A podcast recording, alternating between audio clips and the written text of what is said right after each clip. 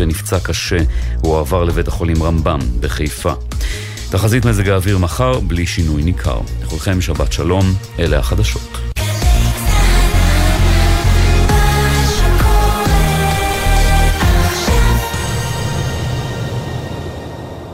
עכשיו בגלי צה"ל, ציפי גונגרוס, עם ספרים רבותיי ספרים. הבית של החיילים, גלי צה"ל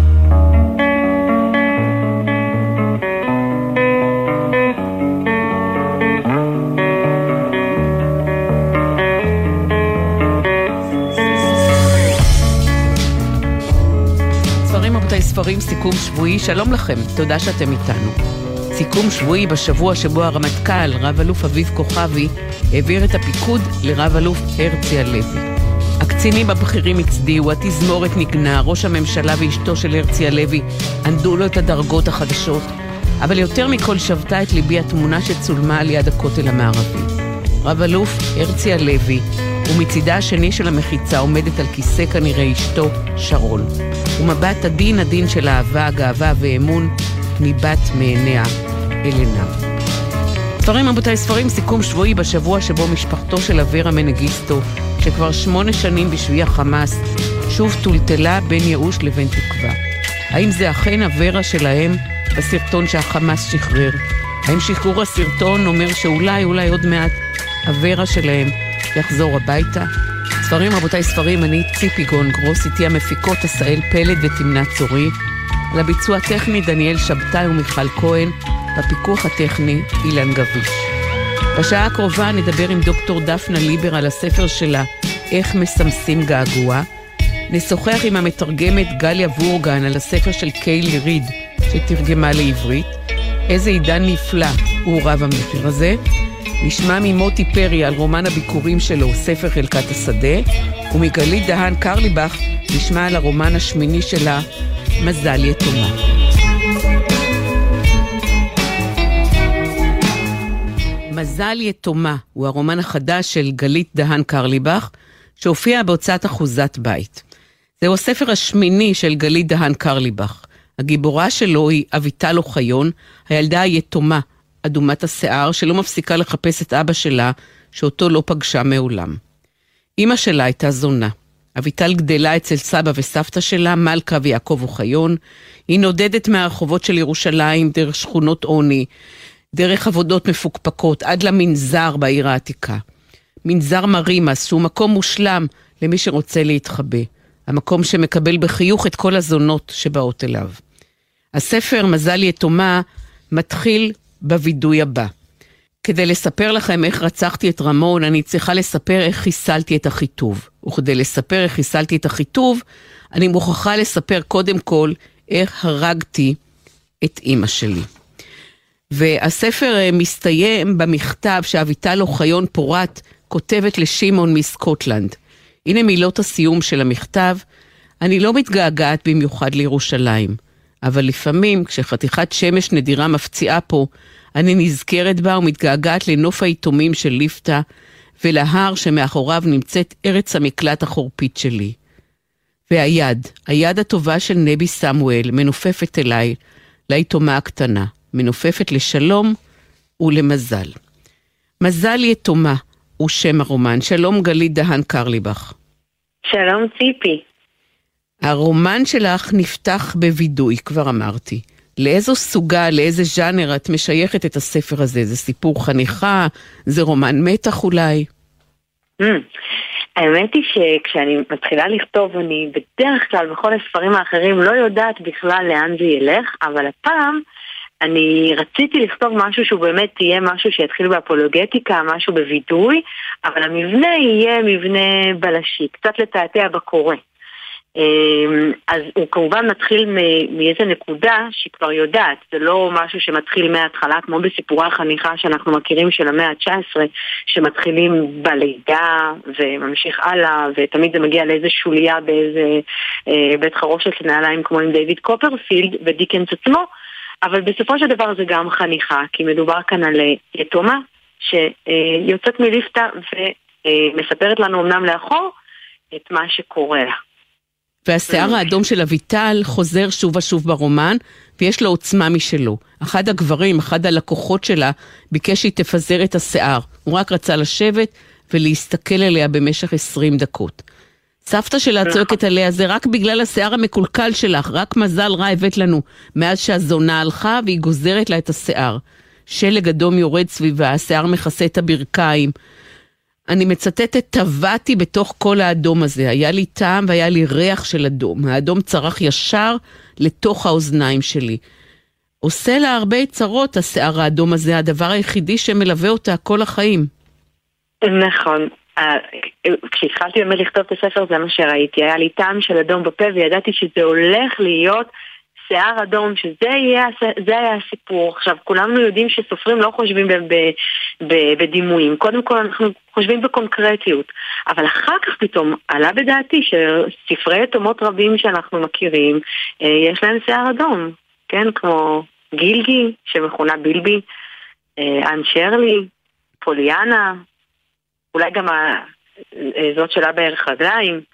אה, כן, יש משהו מאוד מיתולוגי בשיער, וגם ברגע שמקצרים אותו, או ברגע שהיא מעריך, מגדלת אותו, כלומר כל פעם במצב אחר, אז החברה מסתכלת עליה בצורה אחרת. והכוח של השיער פה מאוד מזכיר גם את הסיפור של שמשון ודלילה. גם שם לשיער היה מקור הכוח שלו. נכון, נכון. זה, זה גם דברים שחושבים עליהם, אבל בדיעבד.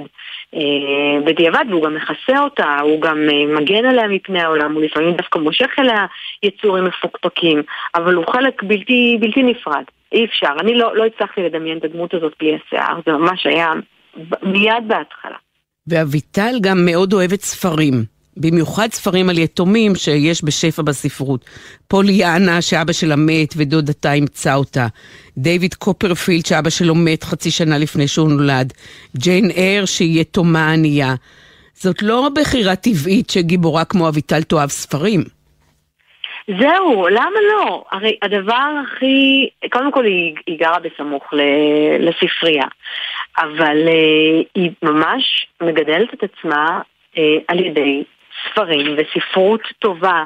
אה, זה המקום היחיד שיש בו מפלט, גם פיזי, כי יכולה להגיע למקום, בשבילי הספרייה כשבילדותי זה גם היה מקום כזה שאחרי בית ספר, אם שכחנו מפתח או משהו כזה, אז זה היה מקום שהוא תמיד פתוח ואפשר לשבת שם.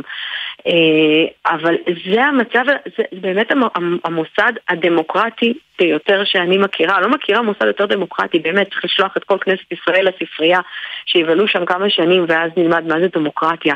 כי באמת זה, זה שווה לכל נפש וכל, וכל אחד יכול למצוא את עצמו, וגם בסקפיזם וגם לשאול. והיא באמת מגדלת את עצמה, וכשהשאלה הגדולה עומדת מולה, כלומר, היא כל הזמן מפנטזת שיקרה לה מה שקורה בספרים האלו שהיא קראה עליהם. שיהיה את הפטרון המיטיב והטוב, בעל החסות, שיעזור לה, ש... ש שייתן לה יד, שיושיט משהו, אה, לעומת העולם הקר והמנוכר שהיא צריכה לנווט בו דרכה לבד ממש. ואם הזכרנו ספרים ודמויות ספרותיות, ליר, היא קוראת לאבא שהיא מחפשת. אה, עיין ערך אה, ליר, מלך בריטניה, שהחליט לחלק את הממלכה בין שלוש הבנות שלו בעודו נכון. בחיים, וכמובן ליר ששייקספיר כתב עליו. נכון. והיא מדברת שם על הפינוק הזה, היא אומרת, מה פתאום קורדליה, מה פתאום הם נעלבים אחד מהשני? כאילו רק שיהיה לי אבא. שיהיה לי אבא, לא משנה מה. ואז יש סיטואציה שאני באמת כתבתי, שבה היא יושבת במעיין ורואה אבא, כי היא לא יודעת מה זה אבא. והיא יושבת ורואה פשוט אה, גבר שמלמד את הבת שלו לשחות במעיין בליפתא. והילדה לא, לא כל כך מצליחה בהתחלה, ואביטל מתכווצת במקומה והיא, מחכה למכה שתגיע, כי, כי היא רגילה לחיות בחוסר סבלנות, סבלנות נורא. נורא. אה, ולכן כל, גם כל העולם שסביבה תמיד מתורגם, זה לא היה עניין של name dropping, פשוט לפזר שמות כדי שהקורא יבין כמה שגלידן קרליבך חכמה ויודעת ספרות. זה היה באמת כדי להראות עד כמה העולם שלה רווי רווי בדמיון, וכל חבר וכל, וכמעט כל מי שעובר בחייה זוכה לכינוי.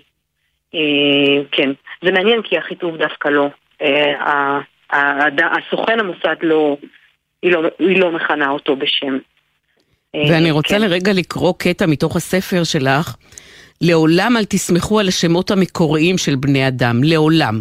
לפדופיל שהסתובב בליפתא קראו מלאכי, ומאיר היה העיוור מבית חינוך עיוורים, שהיה מזהה אותי מרחוק וצועק בקול עבה כאילו היה מרופד בנזלת. האדומה הקטנה הגיעה. ומה איתי? בואו תסבירו לי איך זה שמכל השמות בעולם שנפלו עליי, דווקא לי יש אבא בשם אביטל, אבי וטל, טל ואבי. בקיצור, לעולם אל תסמכו על שמות. אדוני השופט וכבוד הסוציאליים. ואלה הנמענים של המכתבים של האדוני השופט וכבוד הסוציאליים. אז איך בחרת את השמות ברומן הזה? את השמות לגיבורים האמיתיים או את השמות שהיא ממציאה לאנשים אחרים? את השמות שהיא ממציאה. שהיא ממציאה, זה פשוט נכנסתי לתוך הדמות שלה. אה, וכל אדם ש, שעבר בשדה הראייה שלה פשוט קיבל איזה נפח אה, של משהו, של מישהו מוכר.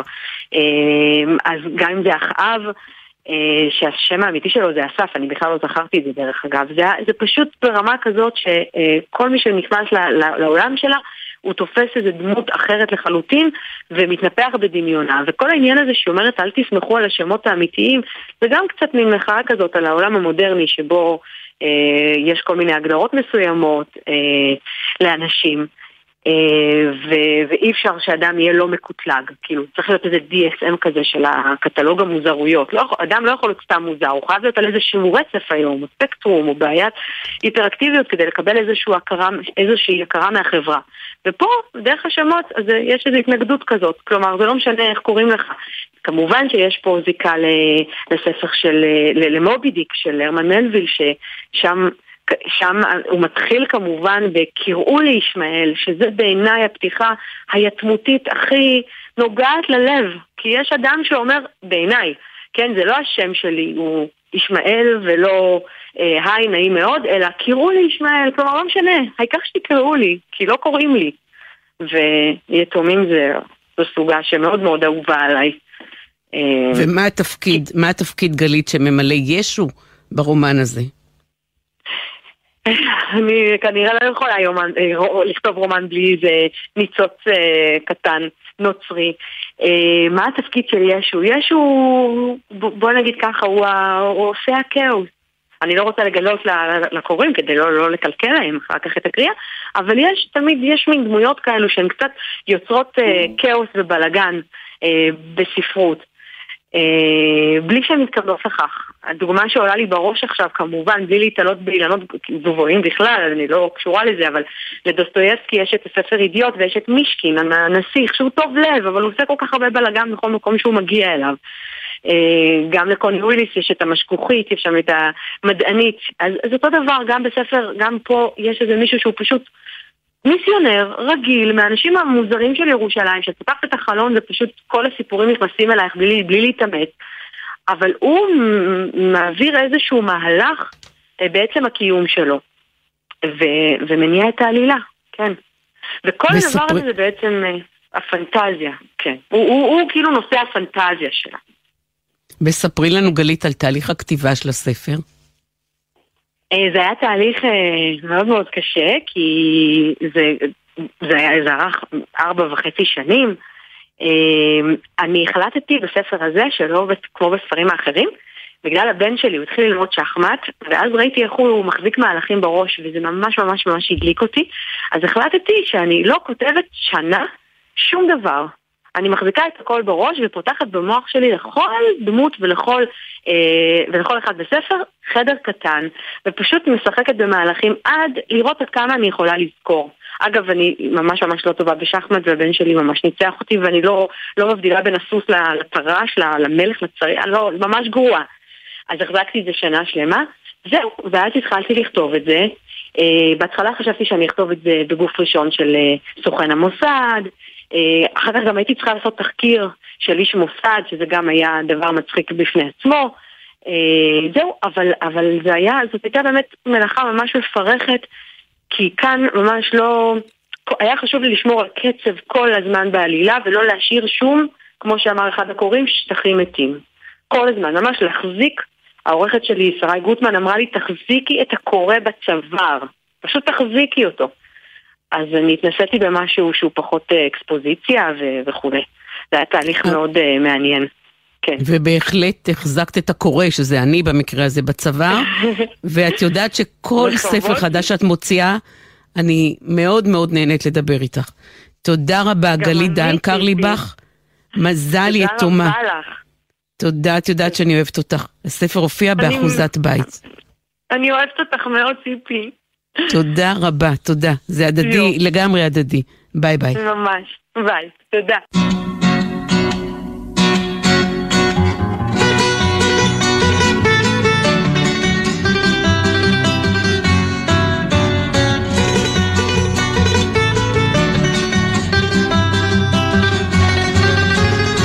ספר חלקת השדה הוא רומן הביקורים של מוטי פרי, שראה אור ממש השבוע בהוצאת כנרת זמורה. הרומן מתחיל במכת אגרוף שמקבל סטודנט במילואים המחכה למשפט צבאי. חותני לעתיד ניגש אליי, התכופף והביט לתוך עיניי. בן זונה שאג ושרט לי בעוצמה יהודית. יא בן זונה נחנק קולו מזעם כשאגרף את ידו. הקצין התורן התעורר ונזעק להפריד בינינו, אך האגרוף כבר פרץ דרך חדשה בסחוס אפי, כמו היה גבעה בתולה בשומרון. רגע לפני שהכל התערפל ושקע, עוד הרהרתי בהפתעה בקללותיו. תמיד נזהר מלטנף בלשון הקודש. לכך שמר את הערבית, שלעסיסיות של הקללות שלה נמשך באורח מוזר. סוף ציטוט. חותני לעתיד זה אומר שהמכה היא של אבא של הודיה, מבני עקיבא, הודיה היפה שסערה אש, הודיה שהיא מלכת השבט. כמה שנים קודם לכן נזרעו הזרעים לאותו אירוע שערורייתי, בערי בנימין הוקמה התנחלות סטודנטיאלית, מאחז יהודי-פלסטיני, שהפך לניסוי חברתי פורע סדרים. הרומן ספר חלקת השדה נע בין תחושת החובה והנאמנות למקום, לאידיאולוגיה, למשפחה, לחברה, לבין אהבות, תשוקות ורצון למימוש עצמי. שלום מוטי פרי. שלום רב. איך הסיפור שאתה מביא ברומן שלך מבטא את הסיפור הגדול, הסיפור של כולנו? או, זו שאלה טובה. אה, הסיפור אה, נוגע בחלקים שונים של ה... גם של המציאות שלנו הפוליטית וה... והגיאוגרפית, ואנחנו נעים בתוכו במרחבים שמצד אחד מוכרים אה, לקורא, לקורא הישראלי אה, ש, שמצוי כאן, ששומע חדשות. אה, המרחבים האלה נמצאים כל הזמן ככה ב, בתודעה שלנו, אבל מצד שני זו גם אה, קצת ארץ אחרת עבור אה, רבים מאוד, ואני מנסה בסיפור הזה באמת להפגיש, אה, את, ה, להפגיש את הקורא עם, עם אותם מרחבים. המרחבים הם כמובן מרחבי יהודה ושומרון, יש גם, גם עזה מופיע שם לפרק זמן קצר. אפשר להגיד שהספר שלך בעצם מציב סימני שאלה על המציאות שלנו, בפירוש לא סימני קריאה, אלא סימני שאלה? בהחלט. אה, הסיטואציה שנמצאת במרכז הסיפור, שבה באמת באיזו צורה קצת אה, מוזרה, אה, מוקם, מוקם לו מאחז יהודי פלסטיני. זה, זה משהו שהוא בוודאי סוריאליסטי, זה, זה משהו שהוא לא, לא קיים במציאות, וספק אם יכול להתקיים במציאות. אבל uh, כשכתבתי את זה, uh, אני חושב ש, שהשורה, יש uh, שיר של uh, משורר שאני מאוד אוהב, בשם יוסף עוזר. יש לו שיר שנקרא קולה ומכנסיים, ובשיר הזה יש שורה אחת, ושיר משוגע לכתוב. וזו בעיניי uh, שורה מבריקה, כי היא אומרת משהו על תפקידה של ספרות ועל תפקידו, או תפקידה אולי של ספרות פוליטית בייחוד, שהיא, אה, שהיא לא, ש, שיותר מאשר שהיא תנקוט עמדה או תביע באמצעים ספרותיים את מה שגם איזה פרוספקט יכול אה, לומר, היא צריכה להציג סימני שאלה, היא צריכה להציע איזה משהו שהוא אולי, אולי הוא לא אפשרי במציאות שלנו, אבל הוא מכריח אותנו לחשוב. הוא מכריח אותנו לבחון את המציאות שלנו, להטיל עליה את אה, דרך סימני השאלה האלה, אה, ש- שמטילים איזה צל מסוים על האופן הרגיל שבו אנחנו חווים את המציאות, מסתכלים עליה, רגילים אה, להתבונן עליה, ו, וכאן יש לנו את ההזדמנות להרהר במה שבדרך כלל הוא המובן מאליו. הנה כמה המשפטים שדגמתי מתוך הרומן שלך. איך מתקנים בגידה בבגידה? צווח מגרוני יצחק קומר. ויצחק קומר הוא כידוע גיבור של ש"י עגנון באתמול שלשום. עוד דוגמה, כך היו שני חיי יעקב. ואי אפשר שלא להיזכר בפתיחה של ש"י עגנון לבדמי ימיה. בדמי ימיה מתה אמי, כבת שלושים שנה ושנה הייתה אמי במותה, מעט ורעים היו ימי שני חייה.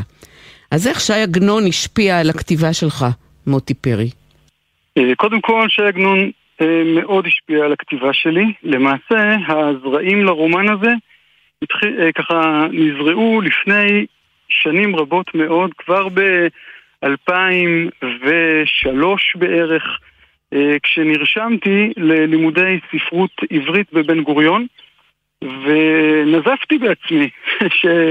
שאני הולך ללמוד תואר שני בספרות עברית ואני נמנע מלקרוא את הסופר הגדול, את עגנון, אה, מתוך איזו חוויה שלילית שהייתה לי בקריאתו בחטיבת, אה, בחטיבת הביניים.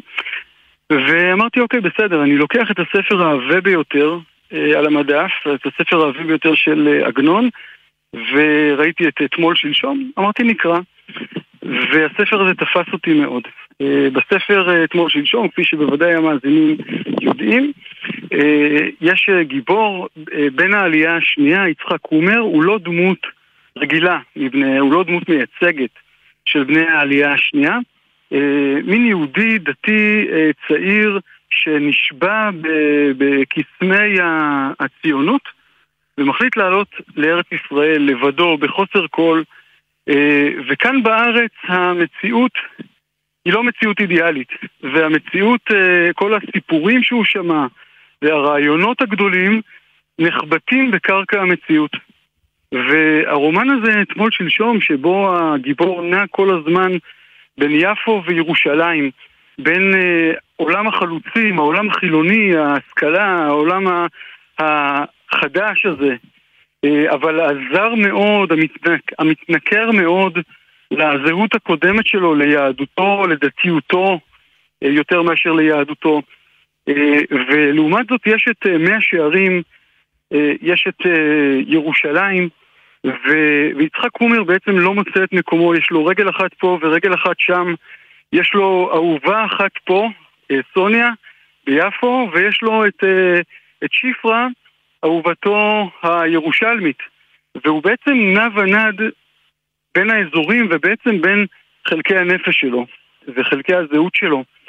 Uh, הרומן הזה מסתיים בשורות שבהם, uh, אחרי שיצחק קומר uh, נפטר, ו, ועגנון חותם את הרומן באמירה ששאר שכאן תם סיפורו של יצחק קומר, אבל שאר סיפור אה, ידידינו, והוא מתכוון שם לבני העלייה השנייה, החלוצים, עוד יסופר בספר חלקת השדה. אה, אני קראתי את הסיפור הזה כשישבתי אה, בקרוון, במאחז אה, בדרום הר חברון, שהייתי שותף בהקמתו, והרגשתי ש... שיום אחד אני צריך לספר את uh, סיפורם של חברינו החלוצים המודרניים. כמובן שהאמירה הזאת, ש, ש, שהיומרה הזאת, שההשוואה הזאת היא השוואה מאוד מאתגרת ויכולה להיות גם מאוד מקוממת ואני מאמין שגם מי שיקרא את ספרי אה, יראה שה, שהמבט הוא, לא, הוא אה, קצת בדומה למבט העגנוני, לא שאני מתיימר כמובן לכתוב אה, כמו עגנון, הוא מבט, אה, הוא מבט אירוני, הוא לא מבט אה, תמים, הוא מסתכל בעין כזאת ובעין אחרת בעת ובעונה אחת, וגם הגיבור שלי אה, נע ונד בעצם במסע שהוא מסע, מסע של זהות, ככה שמה שניסיתי לפחות לעשות ברומן זה ליצור את ספר חלקת השדה המודרני הספר האבוד, הספר הגנוז, הספר הבדוי של עגנון, אמ, אבל לומר משהו לא על המציאות אז, לא באמת להמשיך את עגנון, אלא לומר משהו על המציאות שלנו. ועוד לא אמרנו שהמונח חלקת השדה גם מוזכר בתנ"ך. והיה כן את חלקת השדה אשר נטע שם אוהלו מידי בני חמור אבי שכם. אז אה, את זה לא אמרנו, הנה אמרנו, ואני רוצה לשאול אותך לסיום, היית חובש קרבי במוצב בלבנון. עד כמה שאלת מהחוויות שלך בשירות הצבאי אל תוך הרומן הזה? אה, אז באמת אה, גם, גם החומרים הללו נכנסו לתוך הרומן. אני הייתי חובש קרבי ב, ברצועת הביטחון במוצב בשם טייבה, ולצערי בתקופה מאוד מאוד קשה יצא לי להשתתף ב... בטיפול בפצועים רבים ובעיקר בהרוגים רבים אה, באותה עת וגם החוויות הללו נכנסו, אמנם הגיבור שלי אה, הוא לא משרת בלבנון אלא ביהודה ושומרון אבל אני חושב שהפריטות ש, שכל אה, חייל שהיה בסיטואציות כאלה סוחב עמו נכנסות היטב ומתרגמות גם לאזורים אחרים. זהו, אלה, אלה, זו מציאות חיינו, אלה הפצעים שלנו. אני רק רוצה להדגיש אה, שה, שהספר הוא לא רק ספר אה, פוליטי, יש בו באמת אה, ניסיון לגעת ב, בנפש האדם, אה, באהבה, באמת במסע של אה, זהות, ואני מאמין שקוראים שונים ימצאו בו פתחים שונים. מסכימה איתך, מסכימה איתך בכל פה. אז הספר הוא ספר חלקת השדה, כתב אותו מוטי פרי, הוא הופיע בהוצאת כנרת זמורה. תודה רבה מוטי. תודה רבה לך.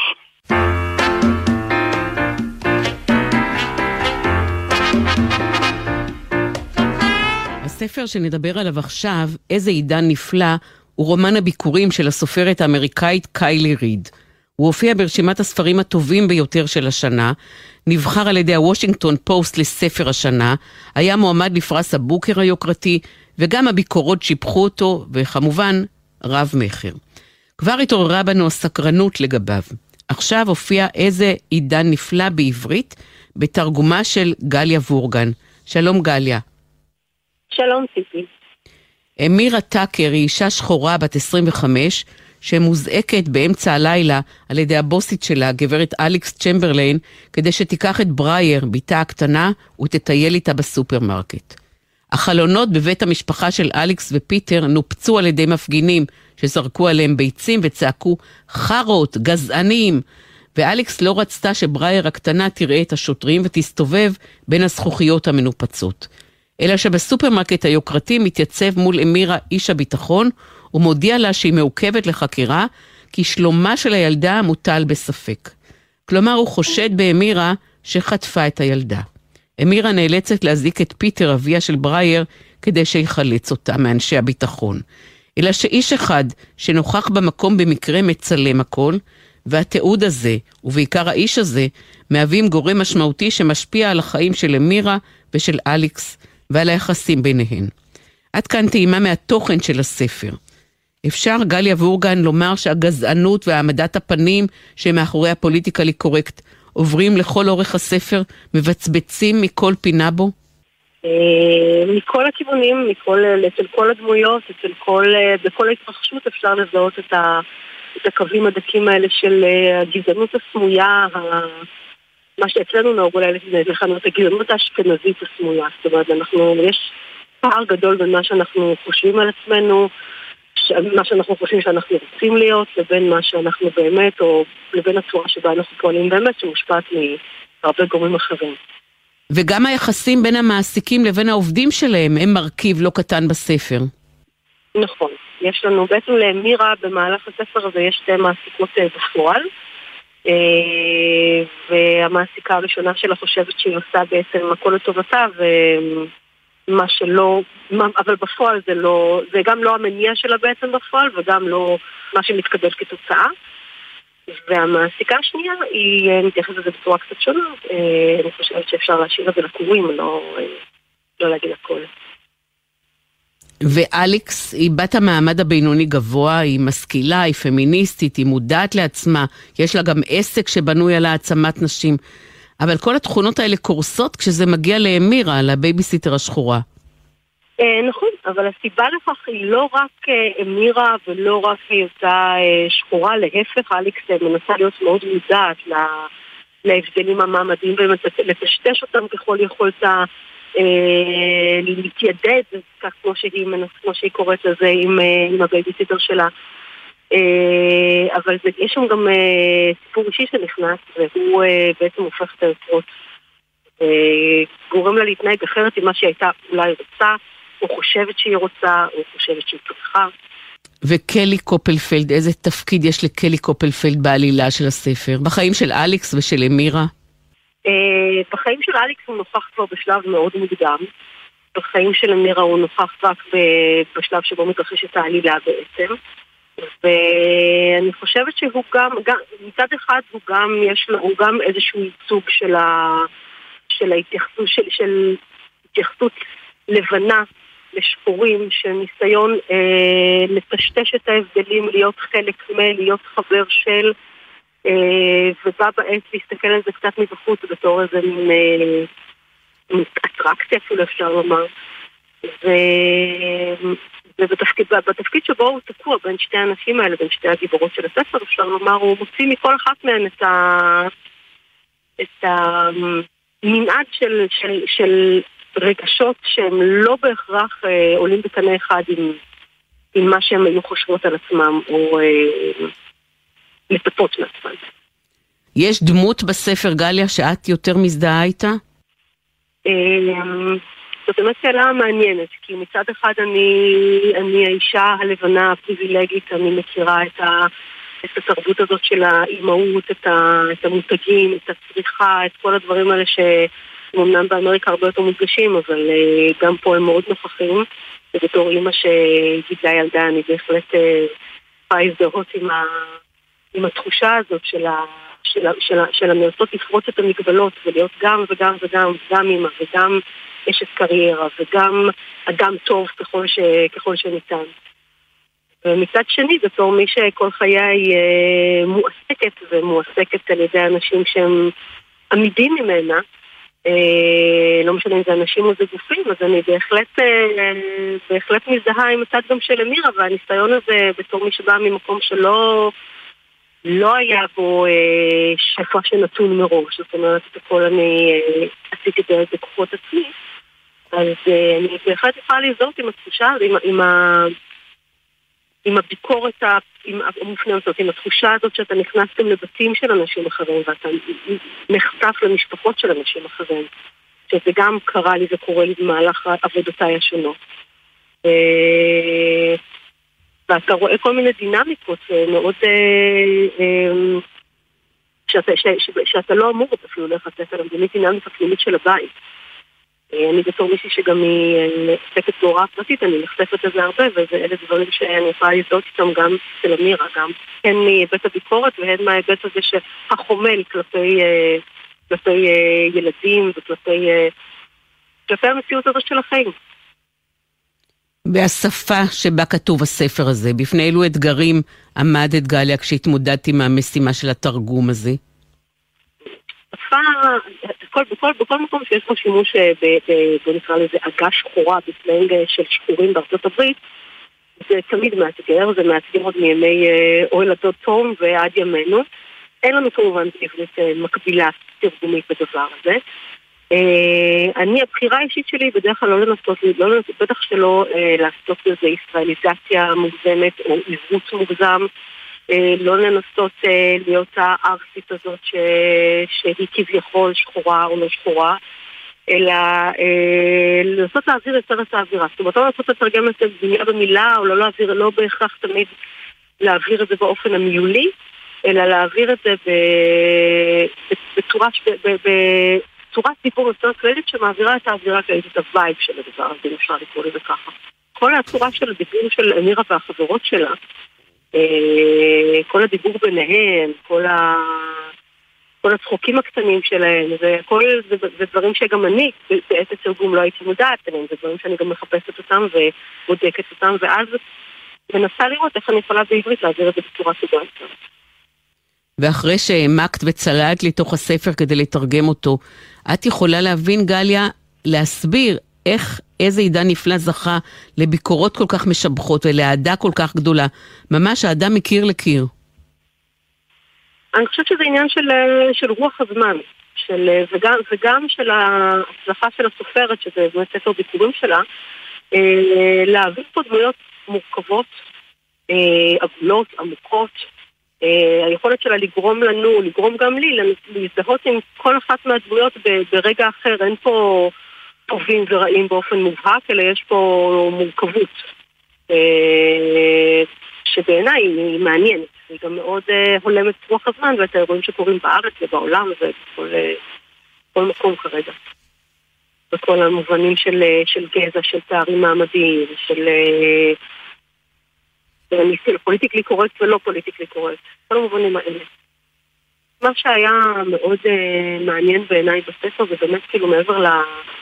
יש את הדיבור הגדול על פוליטיקת הזהויות וכל הדברים האלה, ובעצם יש, כמו שכבר הזכרתי את זה גם קודם, יש איזה עניין של, אה, של הפערים האלה הקטנים שבין, uh, שבין המחשבה שלנו לעצמנו לבין הצורה שבה אנחנו פועלים. אני דיברתי על זה קודם, אבל אני חושבת שזה בעיניי משהו שמאוד מצא חן בעיניי בספר. אה, הריקוד המאוד עדין הזה בין, אה, בין איך שאנחנו מציגים את עצמנו לעולם, בין איך שאנחנו מנסים לראות את עצמנו או למצב את עצמנו בחיים, לבין, לבין הפעולות שלנו בפועל שהן בעצם מגיעות ממניעים הרבה יותר עמוקים, לפעמים הרבה יותר קדומים בהיסטוריה האישית שלנו. אה, והפעם זה מעניין בעיניי, של... אם פעם היה מקובל לדבר על פערים קלאסיים בספרות בין מה שהקורא יודע לבין מה שהוא לא יודע, אז פה גם כן הידיעה פה גם כן נחשפת אה, באיזושהי הדרגתיות, אבל לגבי הדמויות או לגבי ה... לפחות לגבי אלכס, המניעים שלה וההיסטוריה שלה. וגם יש את, הפער הזה שכל הזמן נוכח, וגם. גם בקרב החברות של אלכס, גם בקרב החברות של, אה, של אמירה, זאת אומרת, כולן פה כל הזמן נעות בין איזשהו משהו שהם מציבות לעצמם לבין אה, איזושהי מראה שהן צריכות להתקל בה כל הזמן, ולפעמים פשוט מתעלמות ממנה, וממשיכות בניסיון הזה להידמות למה שהן באמת היו רוצות להידמות. תודה רבה, גליה וורגן. איזה עידן נפלא, ספר שנכתב על ידי קיילי ריד, זכה להצלחה עצומה בעולם, מעניין איך הוא יתקבל בישראל. איזה עידן נפלא, הופיע בהוצאת ידיעות אחרונות. תודה רבה, גליה. תודה, ציפי.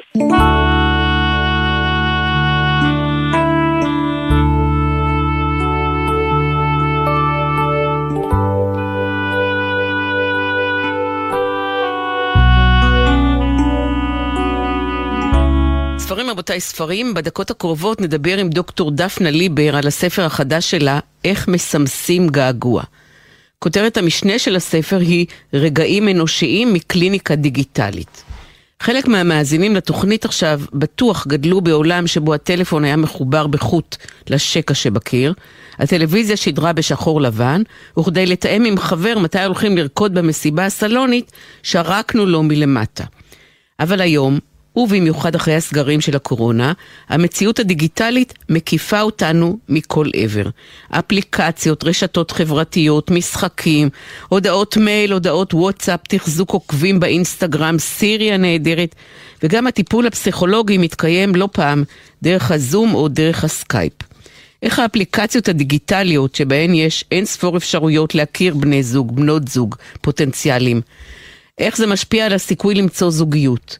איך והאם שונה המפגש הטיפולי בעידן הדיגיטלי מהטיפול המסורתי ברוח פרויד? במה שונים כללי ההתנהגות במרחב הדיגיטלי מהכללים החברתיים הרגילים? האם כולנו במציאות הדיגיטלית חיים בעידן של הפרעת קשב וריכוז מתמשכת? דוקטור דפנה ליבר היא פסיכותרפיסטית שחוקרת את השפעות העולם הדיגיטלי על הטיפול הנפשי והיא גם ראשת התוכנית לתואר ראשון במדעי ההתנהגות בקריה האקדמית אונו. שלום דפנה. שלום, שלום ציפי. את מגדירה את עצמך כמהגרת דיגיטלית. מה זה אומר? כן, אני מהגרת. כמו שתיארת, אני מאלה שנולדו לעולם שעוד מבינים בכלל מה זה אומר מסיבות סלוניות. ולא, אה, וגם גדלתי לתוך דיסקוטקים ומועדונים שהיום אה, אנשים כבר לא מבינים. אנחנו חיים, אה, היגרנו מאיזושהי תרבות שהייתה פחות דיגיטלית, הרבה פחות טכנולוגית. אני זוכרת את הרגע שהמיקרוגל הגיע הביתה, ולא היה ברור איך, איך קורה הדבר הזה. אז זה זיכרון מעולם שהיום כבר פחות נגיש לנו ופחות זמין.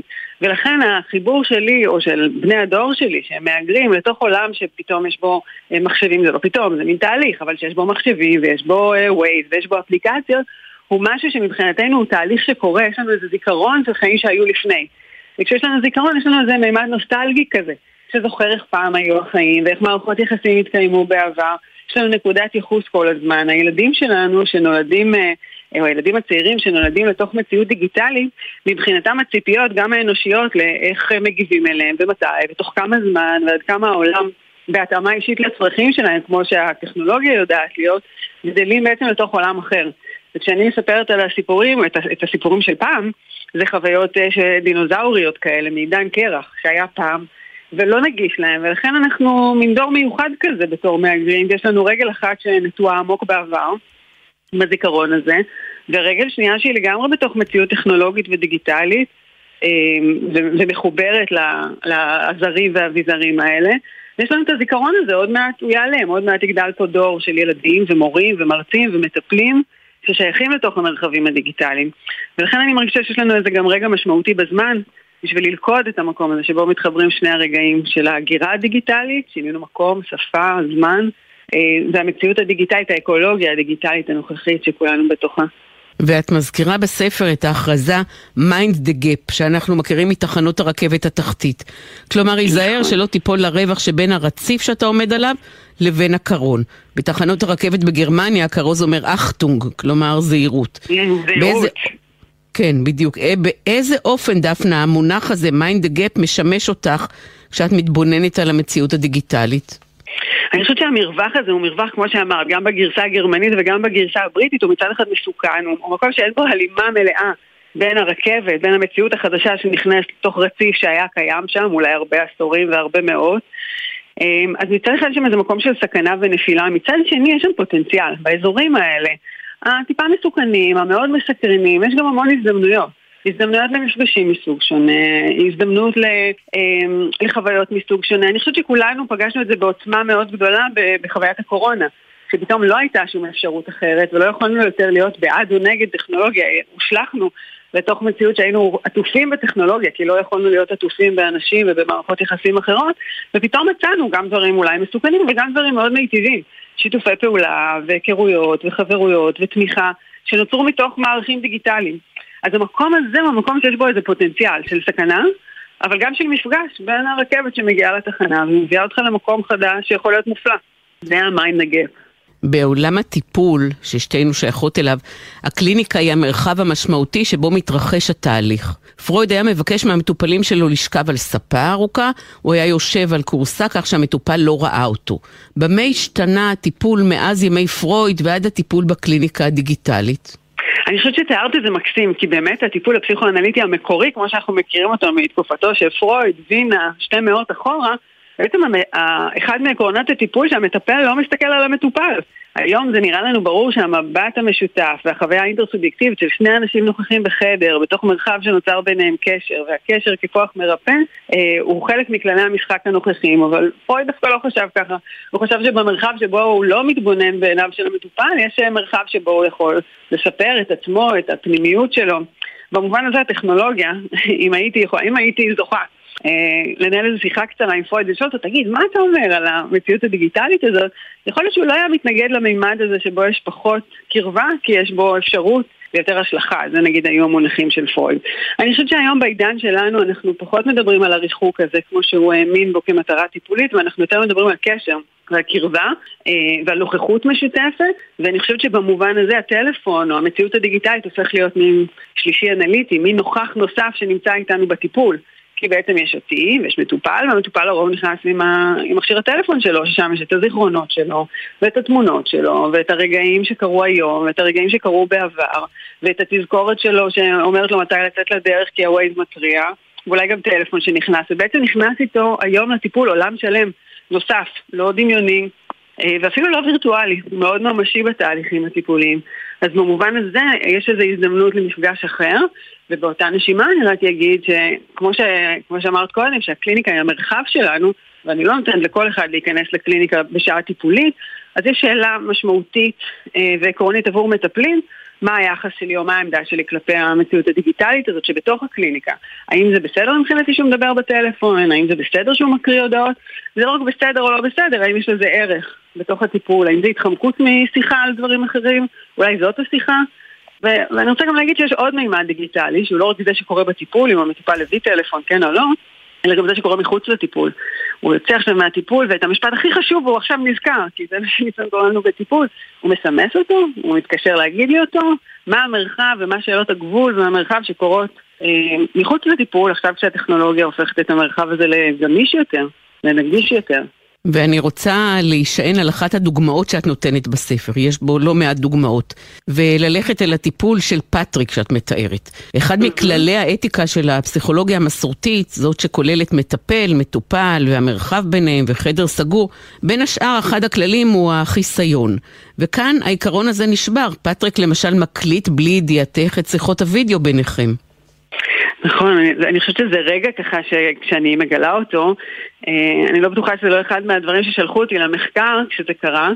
אה, בעצם זה איזה מין שבר כזה, אני, אני מטפלת במישהו שנמצא בארץ זרה, במקום אחר, חשוב לו להיות מטופל על ידי מישהי שדוברת את שפת האם שלו, אפרופו הגירה אה, ושפה, המשמעות של השפה המקורית שלנו, ופתאום אני מבינה שאת השיחה הזאת בינינו שמתקיימת בסקייפ הוא מקליט.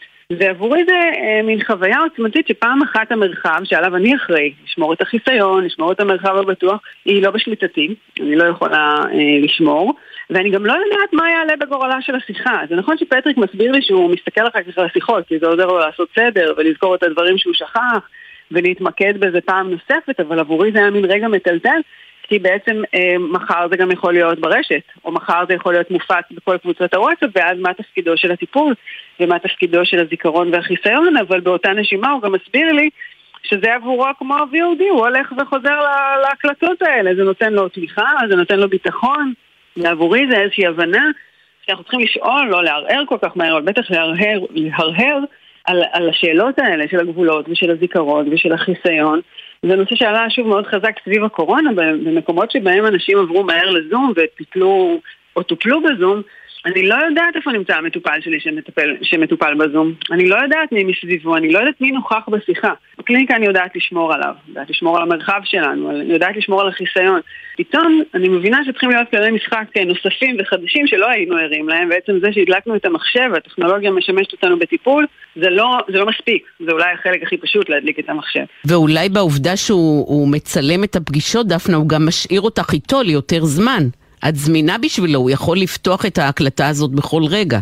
את לצידו בעצם. זאת נקודה נורא משמעותית, כי אני חושבת שבעולם אחד מהממדים שהשתנו בעקבות המציאות הדיגיטלית זה שהמון דברים זמינים לנו. אה, בין אם זה ספר שאני רוצה לקרוא ולא משנה באיזה שעה עכשיו אני יכולה להגיע אליו דרך מאגרי מידע, או חולצה, כי החנות אה, כבר לא ברחוב או בקניון, היא פתוחה 24/7 ברשת, והחוויה הזאת של זמינות היא חוויה שהופכת להיות, ומיידיות, זאת חוויה שהופכת להיות חלק מהאקולוגיה הדיגיטלית הזאת, אני יכולה להזמין אוכל או בגד או ספר או סרט בכל רגע נתון. אבל רגע, מה עם טיפול? אז למה אני לא יכולה להזמין טיפול בכל רגע נתון? ולמה אני צריכה להמתין לפגישה השבועית שלי? אם אני רוצה לראות סדרה, אני רואה אותה עכשיו בנטפליקס, אני לא מחכה ל- לרגע שבו ישדרו אותה. וזה באמת מתחבר לנקודה שאת אומרת, אז רגע, אולי הטיפול, אם הוא נשאר לי זמין ונגיש ומיידי, זה יותר תואם את הערכים ואת ההתנהלות אה, שמאפיינים מציאות דיגיטלית. ואולי אולי הדבר הכי עוצמתי שקראתי בספר שלך הוא התיאור של הרגע הדיגיטלי שבעקבותיו תרמת כליה שבסופו של דבר הצילה את החיים של ילדה בת שש. מוכנה לספר את הסיפור הזה? כן, זה רגע, זה רגע אנושי שהתחיל ממקום דיגיטלי. זה רגע שמתחיל כשאני אה, מסתכלת בפייסבוק, הימים הימים של הסגר השני של הקורונה, ואיזו תחושת חוסר אונים ביכולת לסייע לעולם שמרגיש קצת אה, סגור ועם מעט יכולת בחירה לנוע במרחבים. ואני בדיוק סיימתי את כתיבת הספר ואני מרצה הרבה בזום, ואני פוגשת בפייסבוק אה, בקשה של אימא צעירה שזקוקה לכליה.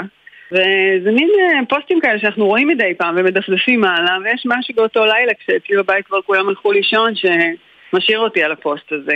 אני קוראת עוד קצת, ובאותו לילה נכנס לקרוא באינטרנט.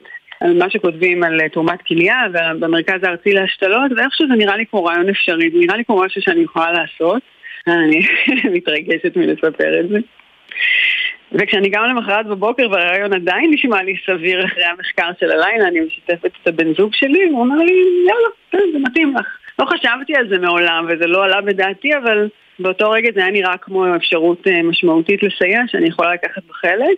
אמ, אני עוברת הרבה בדיקות בבלינסון דרך המרכז הארצי להשתלות ומתגלים די מהר שני דברים. אחד זה שהכליה שלי בריאה ויכולה להתאים, והדבר השני שמתגלה שאני לא יכולה לתרום לאותה אימא צעירה, כי אין, סיווג רקמות לא מתאים. אבל בתוך התהליך הזה אני מקבלת עם עצמי החלטה שאני הולכת על זה, שאני הולכת לתרום את הכליה. ודי מהר מתגלה ילדה, ילדה קטנה בת שש, שבגלל מחלה שהיא נולדה איתה היא זקוקה לכליה. וסיווג הרקמות מתאים, ו... לפני שנה בערך אה, הגעתי לבית חולים, זה תהליך של לא דיגיטלי בכלל, פיזי מאוד, אבל עבורו איזה חיבור בין המרחבים הדיגיטליים שלפעמים כל כך מאיימים וכל כך מסוכנים, ואנחנו שומעים על הרבה דברים נוראים שאנחנו פוגשים שם, ועבורו פתאום זה היה איזה רגע אה, של משמעות ושל בחירה ושל יכולת למגע מאוד אנושי מתוך המרחב הדיגיטלי הזה. אה, הניתוח עבר בהצלחה והילדה הולכת היום לבית ספר, בריאה. ואני זכיתי בחיוך. ואת עשית מעשה גדול, עשית מעשה ענק. תודה רבה, דוקטור דפנה ליבר. איך מסמסים געגוע? הספר הזה הופיע בהוצאת שתיים. תודה לך. תודה לך, ציפי.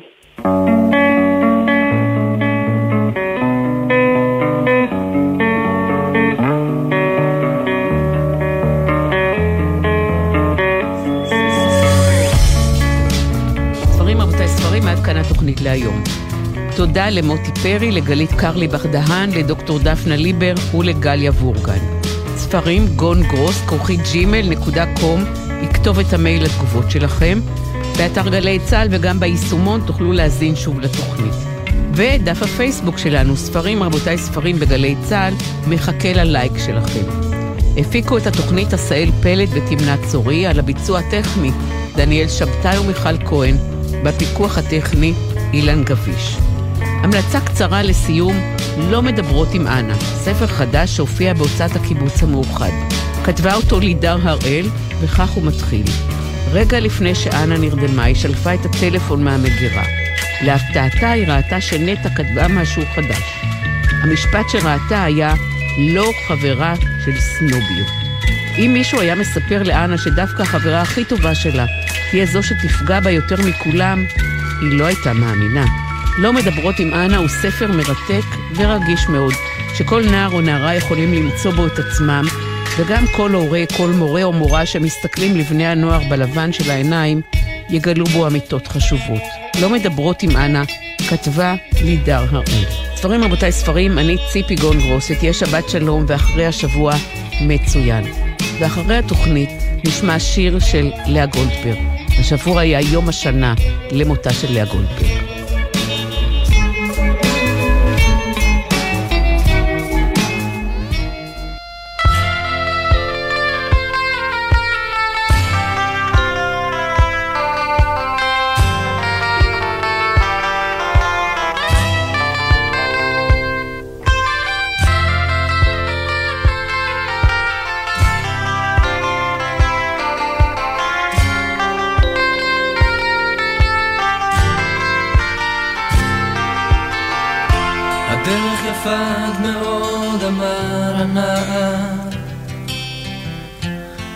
הדרך קשה מאוד, אמר האלה.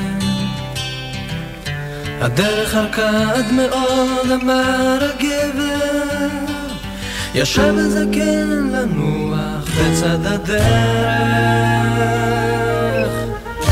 צובר שקיעה סביבתו בפז ועודן. הדשא מבהיק לרגליו בטל הערב. ציפור אחרונה של יום מעליו מזמרת. התזכור מה יפתה מה קשתה אמרך הדרך. אמרת יום רודף יום ולילה לילה. הנה ימים באים בלבך אמרת. ותראה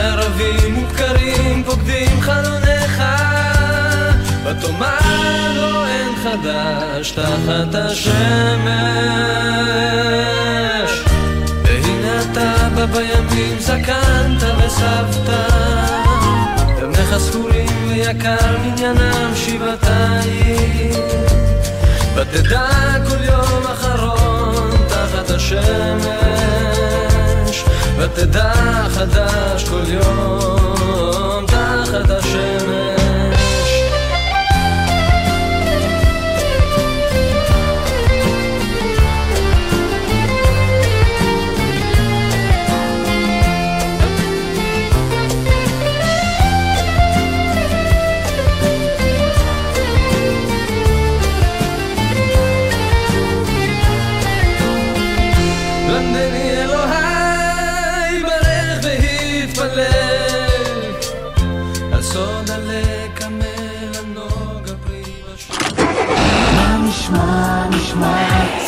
השבוע.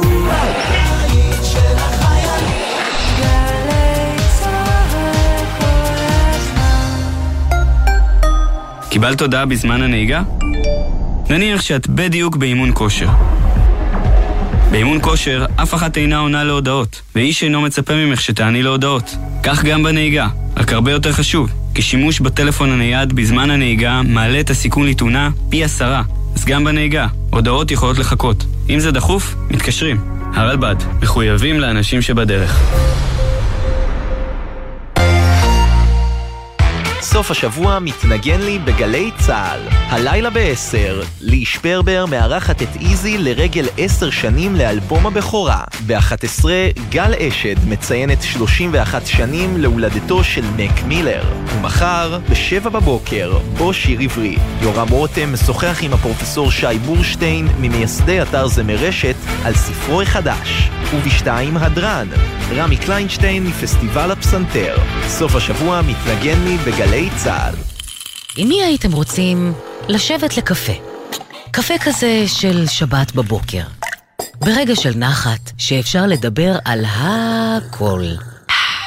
נורית קנטי מזמינה אתכם להצטרף אליה בכל שבת ב-8 בבוקר לשיחה אישית עם דמויות מפתח בחברה הישראלית. והשבוע, הפרופסור יוסי לוי בלז, ראש המרכז לחקר האובדנות במרכז האקדמי רופין וחבר ההנהלה בעמותת בשביל החיים.